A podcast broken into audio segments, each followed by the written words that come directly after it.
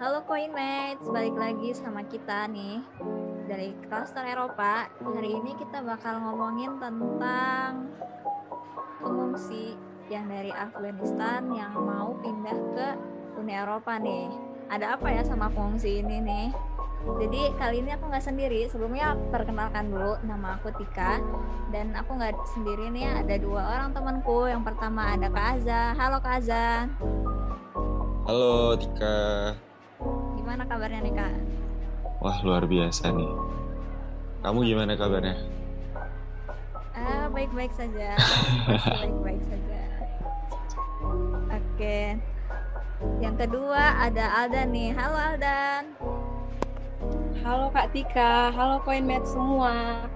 Wih, semangat banget nih Alda ya kayaknya ya. Gimana kabarnya nih Alda nih? Uh, puji Tuhan baik Kak. Masih aman ya semester awal-awal? Aman Kak, aman. Oke, setelah kita udah kenalan kita langsung masuk aja ke topik yang bakal kita bahas.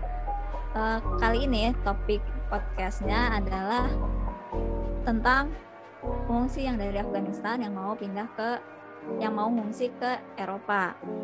Nah, seperti yang kita ketahui, eh, sekarang ini Afghanistan kan sudah dikuasai oleh Taliban dan banyak juga dari masyarakat Taliban yang ada yang mendukung, ada juga yang tidak.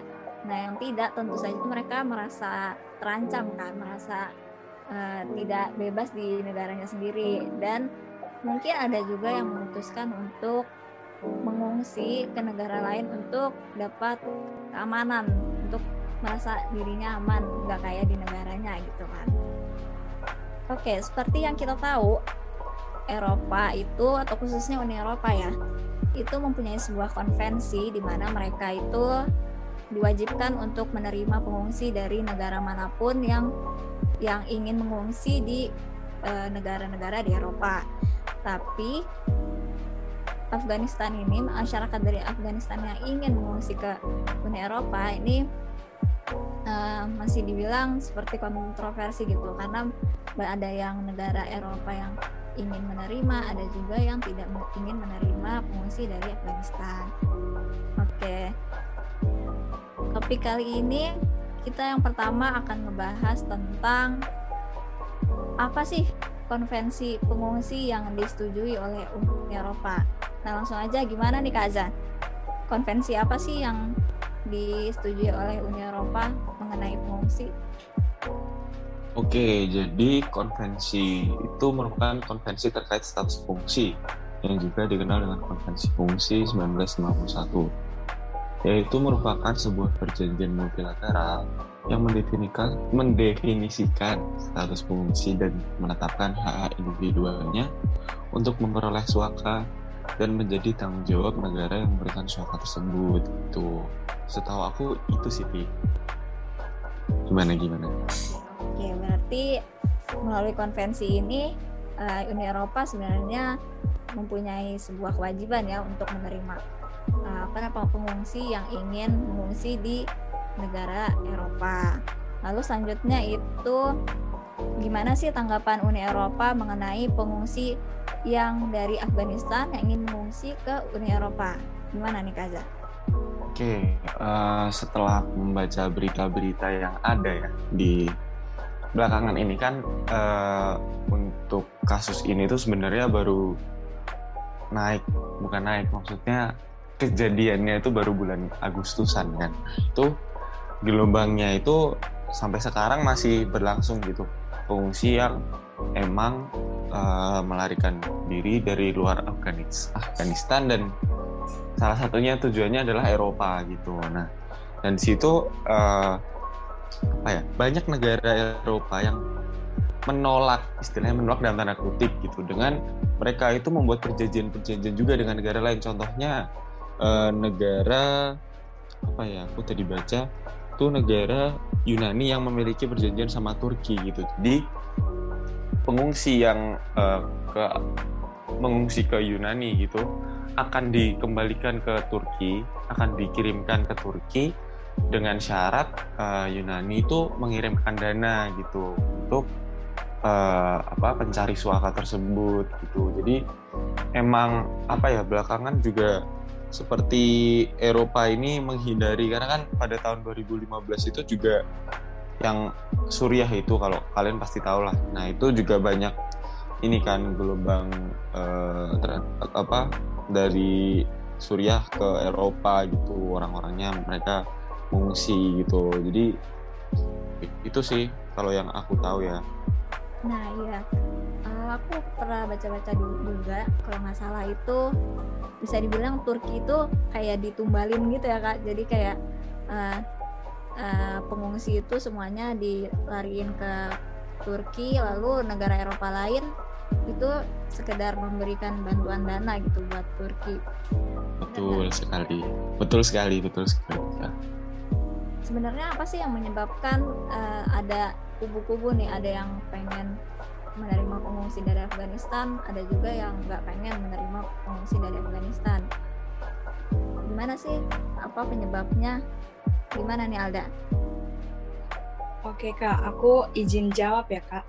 Jadi pasti uh, orang-orang nih pada nanya nih, kenapa sih sampai uh, ada negara-negara yang mereka itu pendapatnya beda-beda nih Nah, jadi itu sebenarnya terjadi karena adanya perbedaan. Nah, itu tergantung bagaimana cara pandang negara tersebut. Bisa jadi nih, kan setiap negara ini punya perspektif atau pendapat yang berbeda-beda untuk memperkokoh negara mereka. Jadi, karena adanya perbedaan terhadap negara, uh, pada dasarnya itu disebabkan adanya perbedaan lingkungan di setiap negara yang berbeda. Ketika uh, mereka ini melihat lingkungan dari setiap negara mereka masing-masing, mereka melihat uh, keamanan lalu juga ketertiban, tentunya mereka akan uh, menyangkut pautkan hal tersebut uh, dengan kedatangan pengungsi dari Afghanistan ini. Nah, uh, kemampuan menggunakan akal budi terus juga uh, dengan mempertimbangkan pemahaman dan pengalaman dengan hal ini tentunya membuat adanya negara yang pro dan juga kontra di mana negara-negara ini ada negara misalnya kita lihat dari negara yang kontrak. Mereka ini negara yang tidak ingin mengulang kembali hal yang pernah terjadi pada tahun 2015 yang pada waktu itu juga uh, adanya pengungsi dari Afghanistan. Nah, itu kan di situ terjadi ketegangan antara negara-negara yang menyebabkan gangguan yang uh, bersifat politis, ideologis, sosial, uh, ekonomis, militer dan lain-lain yang tidak dapat dihindari.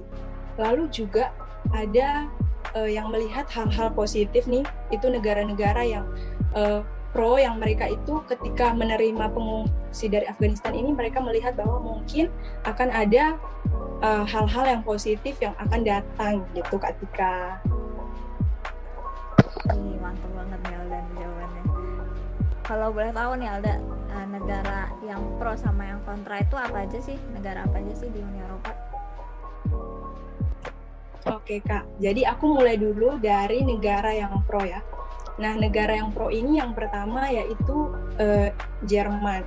Nah Jerman ini mereka uh, telah uh, menampung puluhan ribu pengungsi dari Afghanistan. Terus juga ada uh, Luxembourg, ada Italia, terus juga ada Spanyol. Nah, Spanyol ini telah mendirikan camp untuk para pengungsi. Terus sedangkan nih kalau negara yang uh, kontra itu yang pertama ada Austria, yang mana Austria ini terletak di Eropa Tengah yang dia itu berbatasan uh, dengan utara Jerman lalu juga selatan Italia. Terus yang kedua ada Slovenia, ada Yunani, terus yang keempat ada Denmark, ada juga uh, Republik Ceko yang mereka ini enggan menerima pengungsi dari Afghanistan karena mereka ini uh, enggan juga untuk mengulangi pos, uh, posisi mereka sebelumnya ketika pada tahun 2015 itu. Terus juga yang terakhir ada Kroasia. Oke, jadi kalau dilihat-lihat ini sebenarnya dari negara di Uni Eropa itu lebih banyak yang menolak ya daripada yang menerima kedatangan pengungsi dari Afghanistan. Nah, sebelumnya kan sebelum podcast ini dibuat, kita udah ada diskusi mingguan nih. Nah, di dalam diskusi itu dibagi menjadi dua kelompok. Yang satu itu kontra dan yang kedua itu tim pro. Nah, kalau dari diskusi kemarin, gimana sih tim kontra menghadap me, apa ya memberikan pandangan atas atas pengungsi Afghanistan yang ingin masuk ke Uni Eropa? Oh, Oke okay, kak, aku izin jawab ya kak e, mengenai pernyataan dari tim kontra. Nah, kenapa ada orang e, yang nggak setuju itu karena e, mereka dari pengungsi dari Afghanistan ini dikhawatirkan dapat menimbulkan uh, gelombang besar pengungsi dari Afghanistan yang akan masuk ke Uni Eropa dan terulangnya krisis pengungsi pada tahun 2015 yang pada waktu itu dipicu oleh perang uh, saudara Suriah. Nah, itu menimbulkan arus migrasi besar-besaran yang tidak terkendali. Hal itu bisa saja terjadi nih pada masa sekarang Terus kedatangan uh, lebih dari satu juta migran di Eropa pada tahun itu, itu kan uh, menyebabkan pertikaian di antara negara-negara anggota Uni Eropa tentang cara terbaik untuk mengelola arus masuk. Nah, uh, gelombang baru migran dari Afghanistan ini juga kemungkinan akan menimbulkan ketegangan kembali antara negara-negara. Jika kita mau lihat nih uh, lebih jauh ke depan, ketika ketegangan antara negara-negara uh, kembali terjadi, suatu negara itu misalnya uh, akan ada gejolak atau gangguan-gangguan yang tidak dapat dihindari seperti keamanan, ketertiban, dan juga ketenangan dalam kehidupan bermasyarakat. Dalam arti juga masyarakat, negara atau bangsa tidak uh, terjamin roda pemerintahan, tentunya ini akan menyebabkan lembaga-lembaga uh, baik negara maupun swasta tidak dapat melaksanakan fungsinya sesuai dengan kedudukannya. Lalu kita juga bisa lihat dari uh, salah satu negara di Uni Eropa yaitu negara Austria yang kita ketahui bahwa mereka ini sudah memiliki komunitas Afghanistan terbesar keempat di dunia. Nah, hal ini terjadi karena apa? Karena Austria ini telah menerima bagian yang lebih besar dari proporsi migran sejak tahun 2015. Nah, terus juga dengan masuknya uh, Afghanistan ke Uni uh, Afghanistan ke Uni Eropa ini uh, bisa membuat atau berakibat pada terpengaruhnya stabilitas wilayah itu Kak Tika. Oke, kalau dari yang kemarin juga aku sempat dengar juga kan yang di diskusi mingguan itu ada yang berpendapat kalau ternyata tuh wilayah, wilayah Eropa tuh kan kecil ya. Jadi kalau semakin banyak pengungsi yang datang otomatis nanti bakal terlalu banyak nih pengungsinya dan juga bisa memberikan uh, apa ya kepadatan penduduk gitu.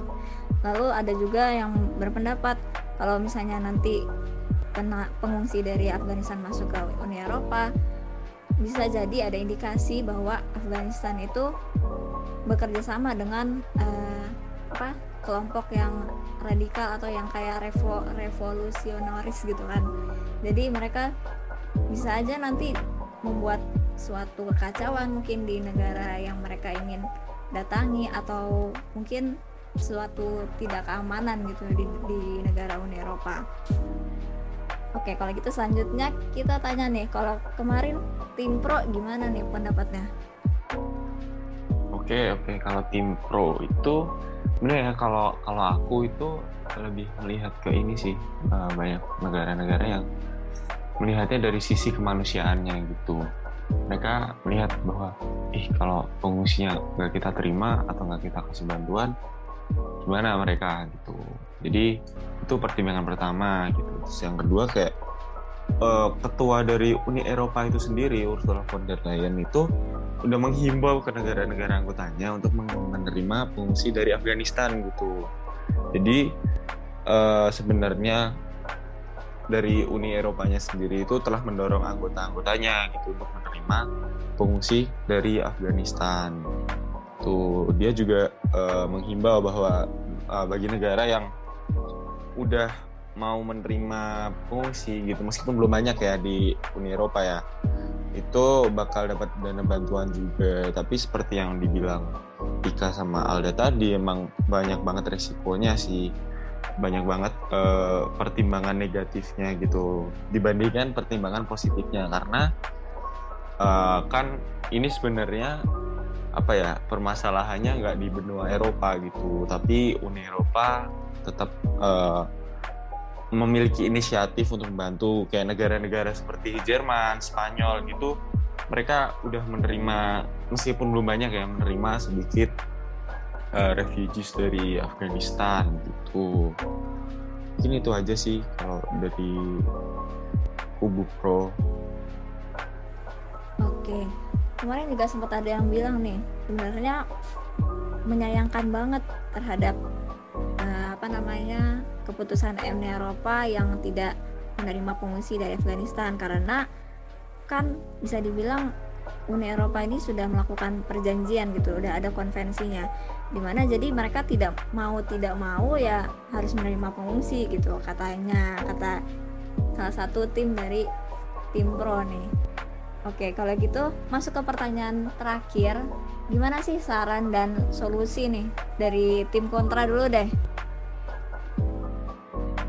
Oke kak, uh, kalau dari tim kontra ya sarannya itu mungkin uh, Uni Eropa ini mereka bisa uh, menyediakan dana yang lebih besar untuk menampung pengungsi di negara-negara yang berbatasan dengan Afghanistan untuk mencegah menuju Eropa. Nah, tentunya hal itu mengacu pada komitmen setiap para menteri untuk memastikan bantuan kemanusiaan bagi populasi yang paling rentan seperti uh, perempuan, anak, dan juga para jurnalis dengan bantuan mitra internasional terutama PBB. Namun uh, biasanya kalau kita lihat ini kan orang kalau mau bertindak biasanya itu mereka harusnya bertindak dari sekarang biasanya kan orang kalau misalnya mau bertindak itu uh, mesti ada sesuatu hal yang tidak diinginkan baru bertindak. Nah mungkin mereka ini bisa bertindak dari sekarang dan tidak menunggu sampai ada arus besar orang di perbatasan luar baru mulai bertindak. Nah lalu uh, Uni Eropa ini juga bisa memberikan bantuan bagi negara-negara tetangga Afghanistan dan negara-negara transit untuk memperkuat kapasitas mereka dalam memberikan perlindungan, menerima pengungsi dengan cara yang bermartabat dan aman. Itu Kak Tika. Wih, mantap banget nih Alda nih. Oke, selanjutnya saran dan solusi dari tim pro gimana nih Kaza?